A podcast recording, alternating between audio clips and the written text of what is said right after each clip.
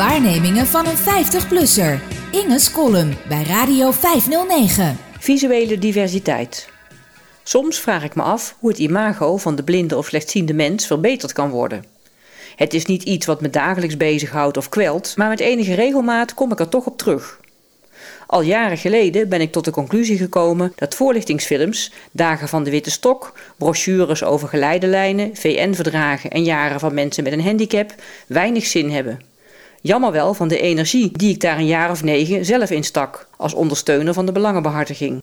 Aan de andere kant heeft dat er natuurlijk wel voor gezorgd dat ik kon eten en mijn huur betalen en ondertussen kon ontdekken wat voor mij wel nuttig werk was. Als visueel onbekwame medewerker van de universiteit voelde ik me een ambassadeur van mijn lotgenoten.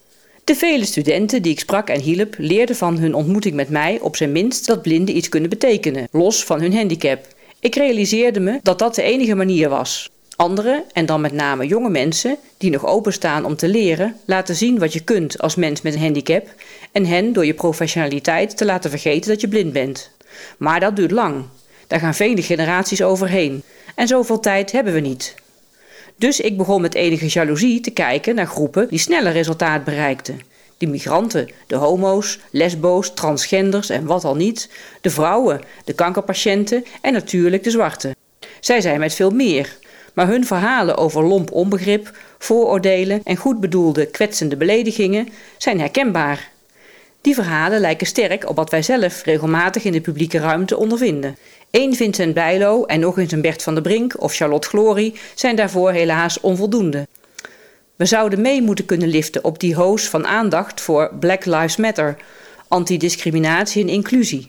Tot nu toe lukt dat nog niet erg. Je mag blij zijn dat handicap ergens in een of ander lijstje wordt genoemd. Niemand is echt geïnteresseerd in deze betrekkelijk kleine groep, die te gemakkelijk genegeerd kan worden of zich laat negeren. Echte boegbeelden of recalcitrante herrieschoppers heeft het blinde wereldje niet. De eerste provocerende blindenpartij moet de kieslijsten nog bereiken. Het is allemaal enorm naar binnen gericht. Maar er is hoop.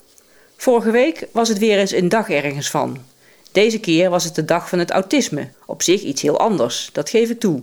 Maar op de radio hoorde ik wel iets interessants. Iemand betoogde dat autisme eigenlijk geen afwijking of stoornis is. Daar keek ik van op. Autisme, zo zei men, is gewoon iets wat bij je persoonlijkheid hoort, zoals de kleur van je haar, je schoenmaat of je seksuele geaardheid. Autisme zou eigenlijk veel meer als een uiting van neurologische diversiteit gezien moeten worden. Ik was meteen alert. Daar ligt de sleutel voor mijn vraagstuk. Stel dat we blindheid in de markt zouden kunnen zetten als een van de vele persoonskenmerken. Niet iets wat je tot een enge zombie of beklagenswaardig schepsel maakt, maar gewoon een onderscheidend kenmerk van je persoon, een uiting van diversiteit. Visuele diversiteit. Blindheid of slechtziendheid als een manier van leven. Zeker niet zelf gekozen, maar toch aangeboren of je ergens in het leven overkomen. Ik zit er niet mee. Ik lijd nergens onder. Ik ben er op een bepaalde manier zelfs trots op. Geen handicap of beperking om dat afschuwelijke welzijnswoord maar eens te gebruiken. Ik zit gewoon visueel gezien net even iets anders in elkaar dan de meeste mensen. Niets om je ongemakkelijk bij te voelen of voor op de loop te gaan. Het leven wordt een stuk gemakkelijker als visueel diverse. Blind power, blind pride. 509, een goed gevoel. Radio 509.